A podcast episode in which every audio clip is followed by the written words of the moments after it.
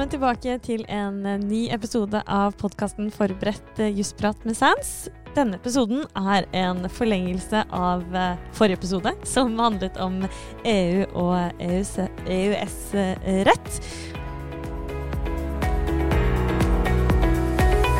Og eh, Karl Viktor, du er her. Hei, hei. Det er jeg. Og Lennart, du er her også fremdeles. Det stemmer. Tilbake på plass. Tilbake på plass. Og Lennart, kan ikke du fortelle eh, i korte trekk hva vi skal gjennom eh, i denne episoden? Etter at vi i forrige episode snakka om EU-institusjonene og de grunnleggende prinsippene EFTA-domstolen og EU-domstolen har utvikla og, og bruker, så skal vi i uh, denne episoden her gå, gå mer uh, inn på de uh, konkrete operative indre marknadsreglene, nemlig de fire fridommene. Ja, og helt overordnet, hva er de fire friheter? Ja, det er jo da eh, reglene i eh, EU-traktaten sin hoveddel og EØS-avtalen sin hoveddel om fri flyt av vare, tjeneste, kapital og arbeidstakere. Og dette, når vi snakker om de fire friheter, så går jo dette helt i kjernen på dette vi har snakket om eh, EU og EØS som ett marked. Eh, og da har man jo lyst til å ha så få hindringer som mulig, sånn at dette markedet skal fungere eh, optimalt. Og da, for at reglene om de fire friheter skal settes på spissen, skal aktualiseres, så er det jo da krav om et grenseoverskridende element. Hva innebærer det for noe? Ja, Karl Viktor, det er helt korrekt at uh, kravet om at det må foreligge et, et grenseoverskridende element uh, ved, ved, bruk av de fire fridommene, er, er praktisk uh, viktig når han bruker disse reglene direkte. Og helt overordna så betyr jo det at saksforholdet må ha en tilknytning til en annen EU-EØS-stat. Og en kan vel egentlig si det så enkelt som at hvis det er, er snakk om uh, tjenesteyting, uh, så vil ikke en uh, kunne bruke tjeneste, eller påberope seg tjenestefridommen i et rent internt forhold i en nasjonalstat, men det må foreligge et element av at en enten ønsker å tilby tjenestene sine i en annen EU-EØS-stat, eller at en ønsker å motta tjeneste i en annen EU-EØS-stat, for å ta tjeneste som eksempel. I tillegg til det utgangspunktet jeg nevnte her, om, om, om, om at når en skal bruke de fire fridommene direkte, altså bruke reglene om dem i EØS-avtalen sin hoveddel, ja, så er en avhengig av et grenseoverskridende element. Men, men, det vil en ikke være avhengig av når det er snakk om å, å påberope sekundærlovgivning, altså direktiv og forordninger. Så det, den nyansen kan være nyttig å, å huske på.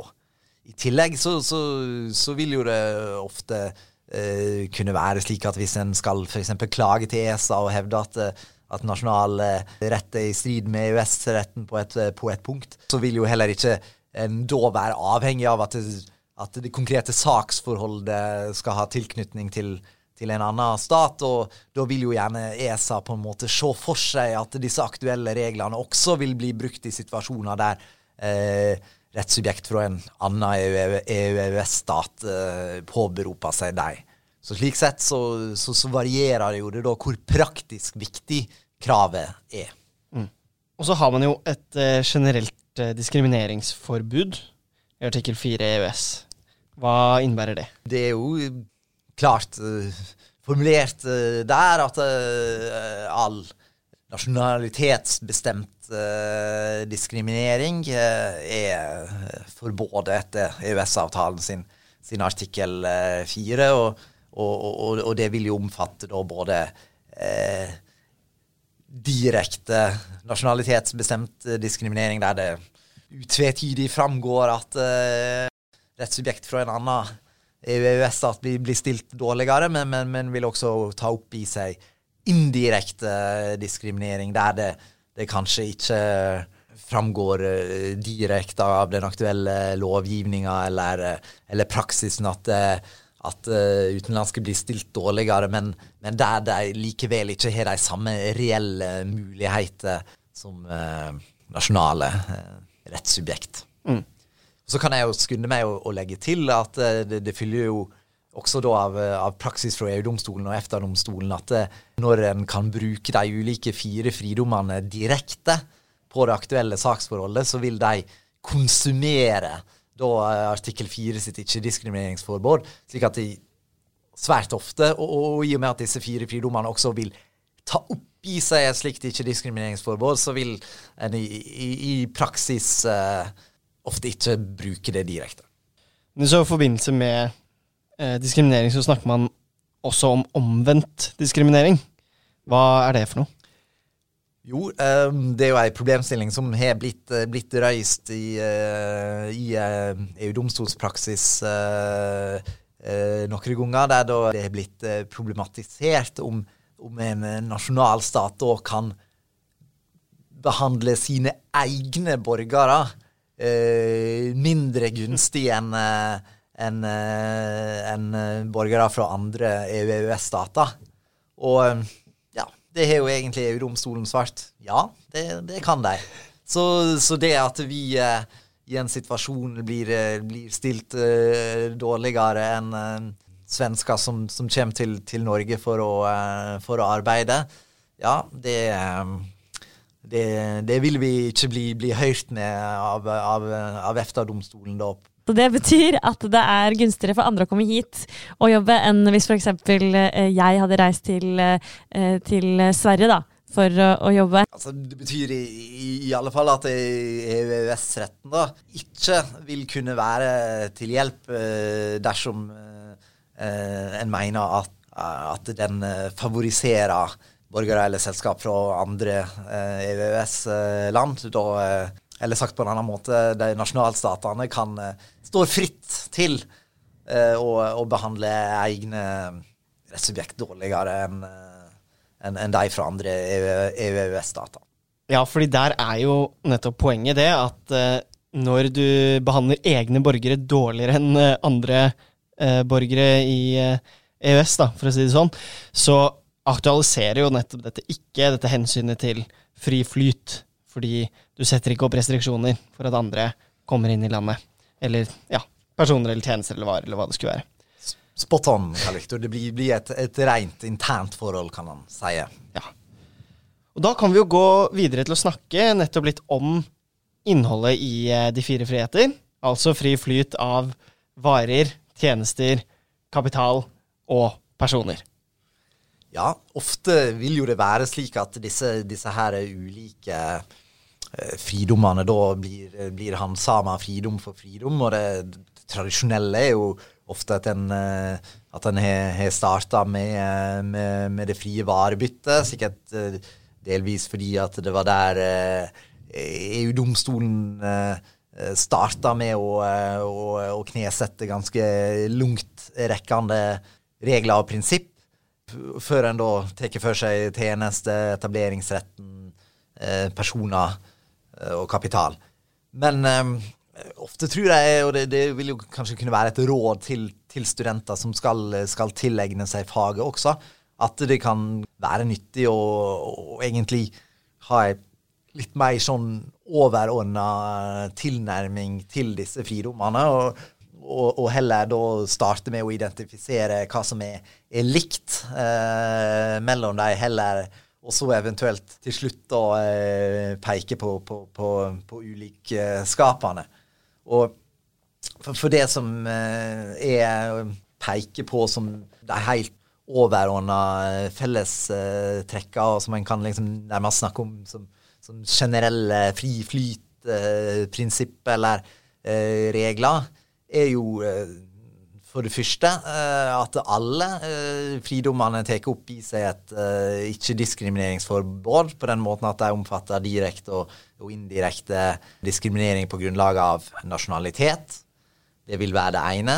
Og etter hvert så tar også da alle fridommene opp i seg et såkalt restriksjonsforbud, som innebærer da at de ikke, ikke rammer bare da eh, den direkte eller indirekte nasjonalitetsbestemte diskrimineringa, men også da nasjonale reguleringer, eh, tiltak som, som, gjør det mindre eh, attraktivt å, eh, å, yte eksempelvis da eh, tjenester eller etablere seg i, i, i nasjonalstaten. Og typisk eksempel på det er jo ulike godkjenningsordninger som, som, som en nasjonalstat måtte, måtte, kreve for at du skal kunne enten yte en tjeneste der uten å etablere det der, eller, eller godkjenning du må ha for å, for å etablere mer permanent virksomhet der. Det er et sentralt poeng. Det er mer enn bare nasjonalitetsbestemt diskriminering.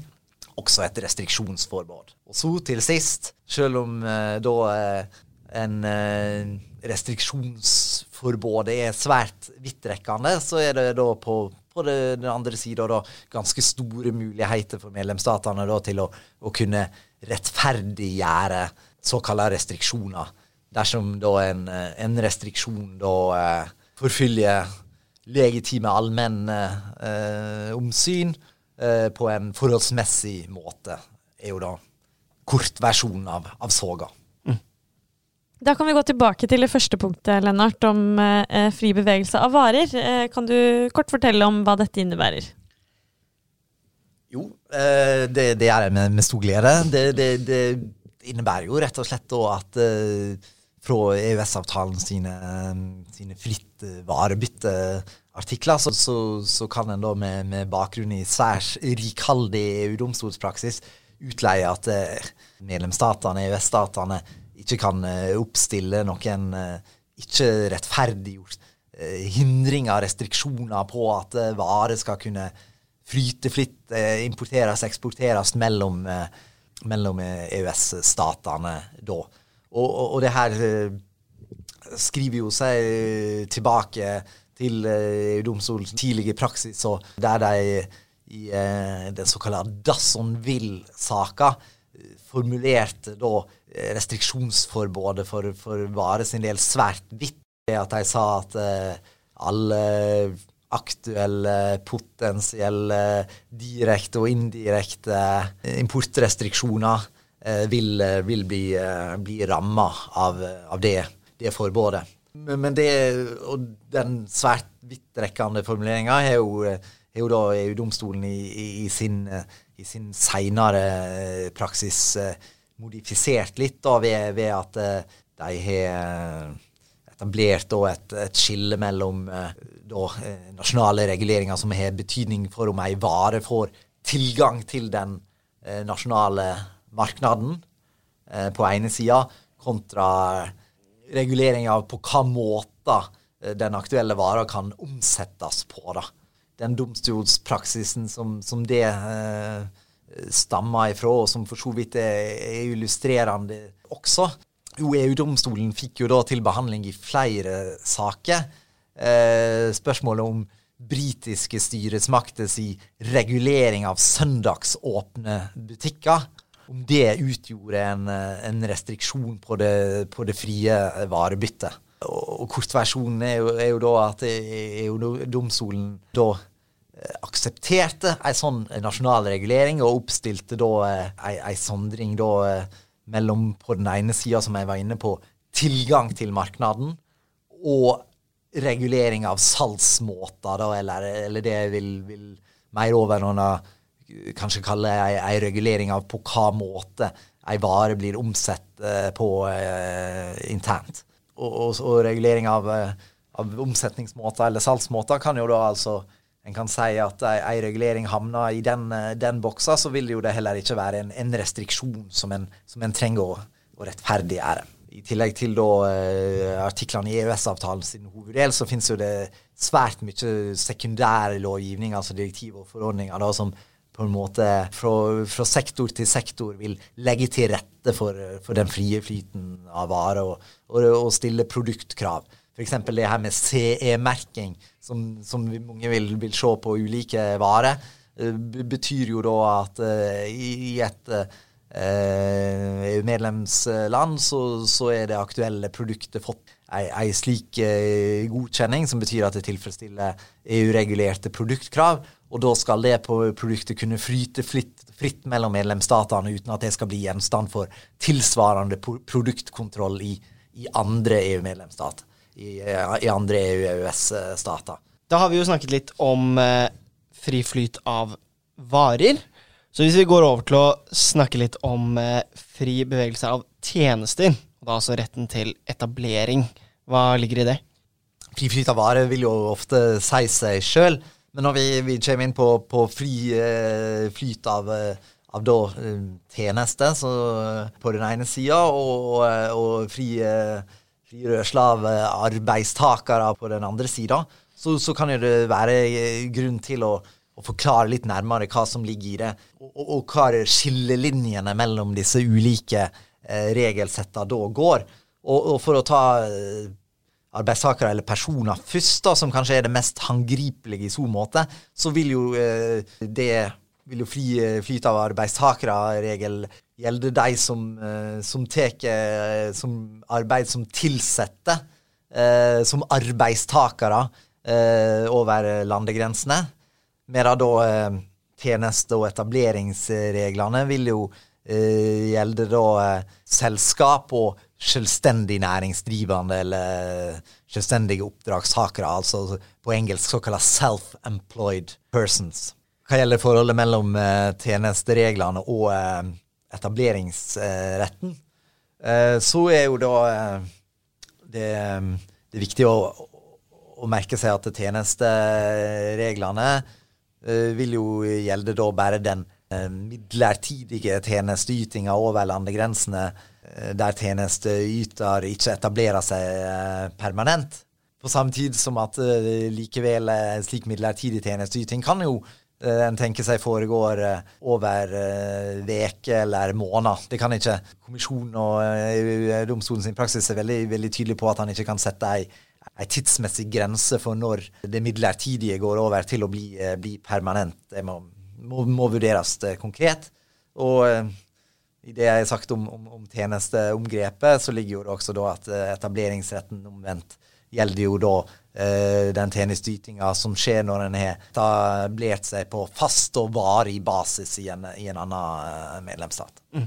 For eksempel så kan man tenke seg et uh, tysk selskap som uh, leverer um, konsulenttjenester i Frankrike i en viss periode. Det er en tjeneste. Mens hvis de etablerer et kontor i Frankrike, så etablerer de seg i Frankrike. Helt korrekt. Helt korrekt. Da kan vi gå eh, videre igjen. Lennart, kan du fortelle litt kort om fri bevegelse for arbeidstakere og eh, personer? Hva innebærer dette? Jo, eh, det betyr jo at en eh, med EØS-retten i hand eh, fritt skal kunne bli tilsett i av arbeidsgivere i andre EØS-land. Uh, og, og, og, i tillegg, i, kjølvannet av, uh, av, det, så, så, så, vil jo han også få rett til uh, ulike sosiale ytinger, som også da er, er regulert i EØS-rettens sekundærlovgivning. Og noe da den kjente uh, såkalla Nav-saka har, mint svært mange av oss om. Nav-skandalen. Men i tillegg til at EØS-retten gir eh, rettigheter til, til arbeidstakeren sjøl. At han skal kunne søke lykka over landegrensene.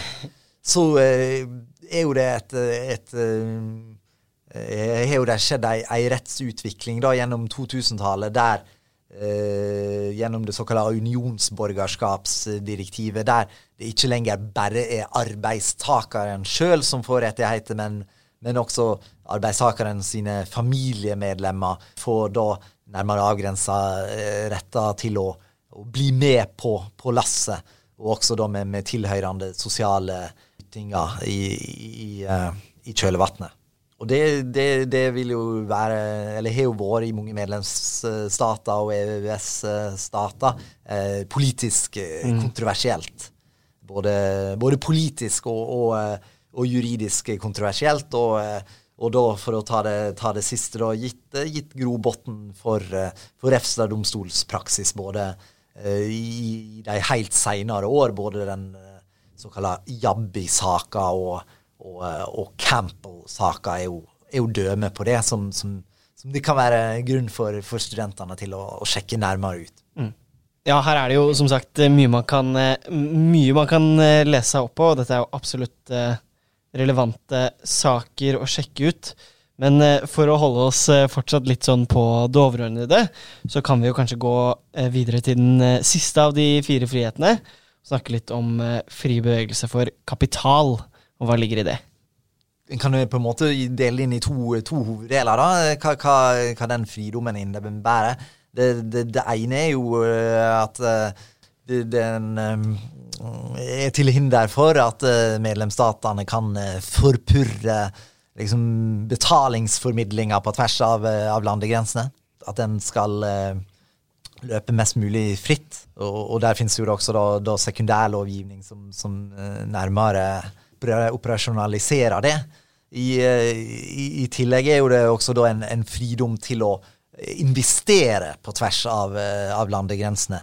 Og, og, vi var jo inne på etableringsretten i stad. Den vil jo uh, typisk uh, gjelde for en aktør som, som, skaffer seg kontroll over ei virksomhet i, et, i, et, i, en annen medlemsstat, og typisk f.eks. erverva minst 50 av, av aksjene, og, og, på den måten får, får kontroll. Men, men, eh, men, etableringsretten vil jo ikke da verne om eh, ei eh, f.eks. minoritetsinvestering eller et, et, et, aksjekjøp på en, en børs i, et, en annen medlemsstat, og, der vil jo da fri flyt av, av kapitalreglene slå inn.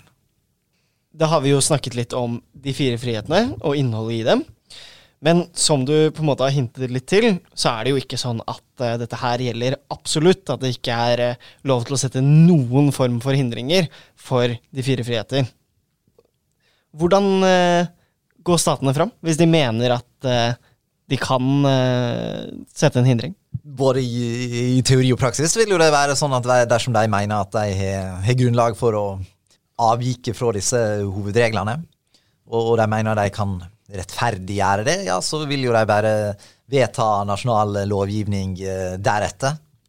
Eh, aller helst bør de kanskje omtale det forholdet i, lovforarbeid eh, og slike ting, altså forholdet til EØS-retten, og, og, der si noe om hvorfor de mener at de kan, kan rettferdiggjøre en, en restriksjon, men, men, svært ofte vil jo ikke det være gjort. Bare har blitt, bare blitt sånn. Og hva skal til da for at EU-EØS-retten eh, e anerkjenner en restriksjon?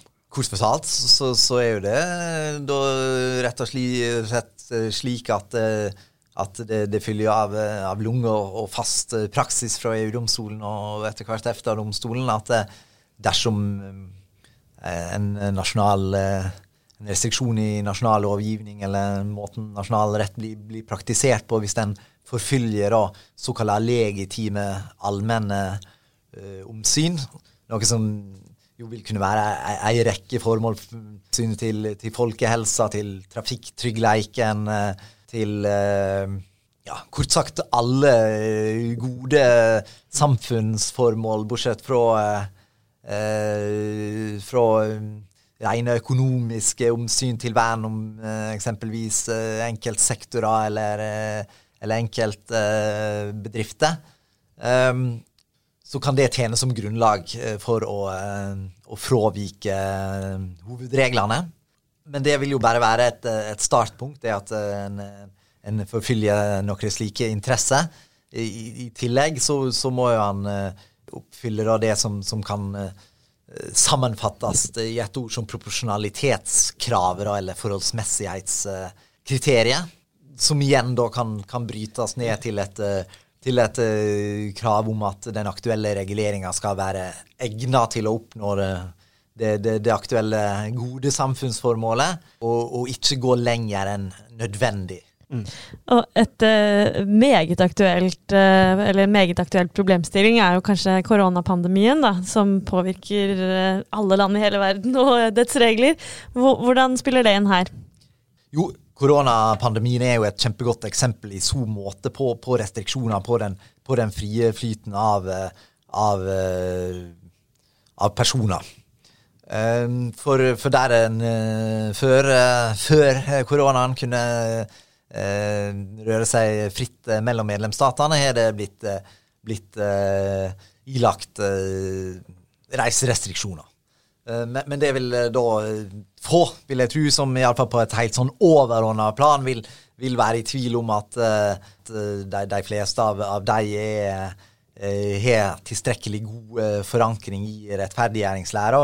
Det vil ingen være lite tvil om at de forfølger viktige folkehelseomsyn, og i de fleste tilfeller så, så går de Eh, de er både egnet til å oppnå formålet og, og ikke går, eh, går, lenger enn nødvendig. Selv om en, eh, når en kommer til de siste punktene i den vurderinga, så vil jo det ofte kunne være ulike meninger og eh, være gråsonetilfeller. Mm.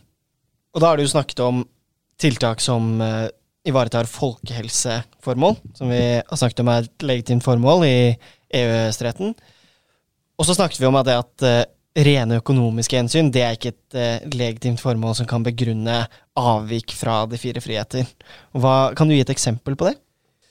Jo, et, et et, egentlig veldig illustrativt eksempel i så måte er jo ei svært dagsaktuell regulering som, som, som i disse dager har blitt oppheva av norske styresmakter.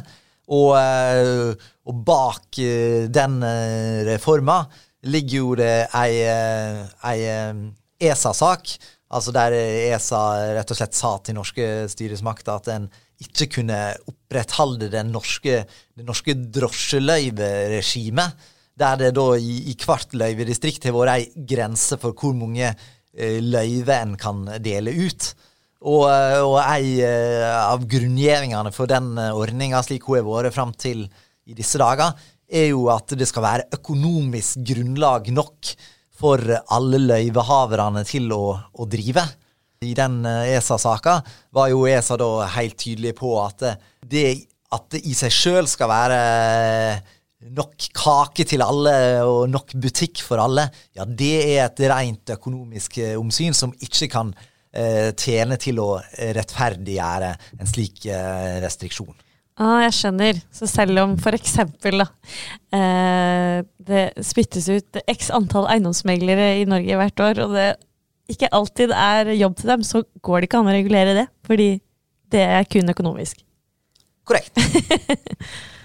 ja, Lennart og Carl Viktor, da har vi eh, kommet oss gjennom et eh, ganske stort fag. Og eh, Lennart, jeg må bare si evig takknemlig for at du har tatt denne oppgaven, for det er ikke lett å si, si bare korte ting om, eh, om det temaene vi har gått gjennom her nå.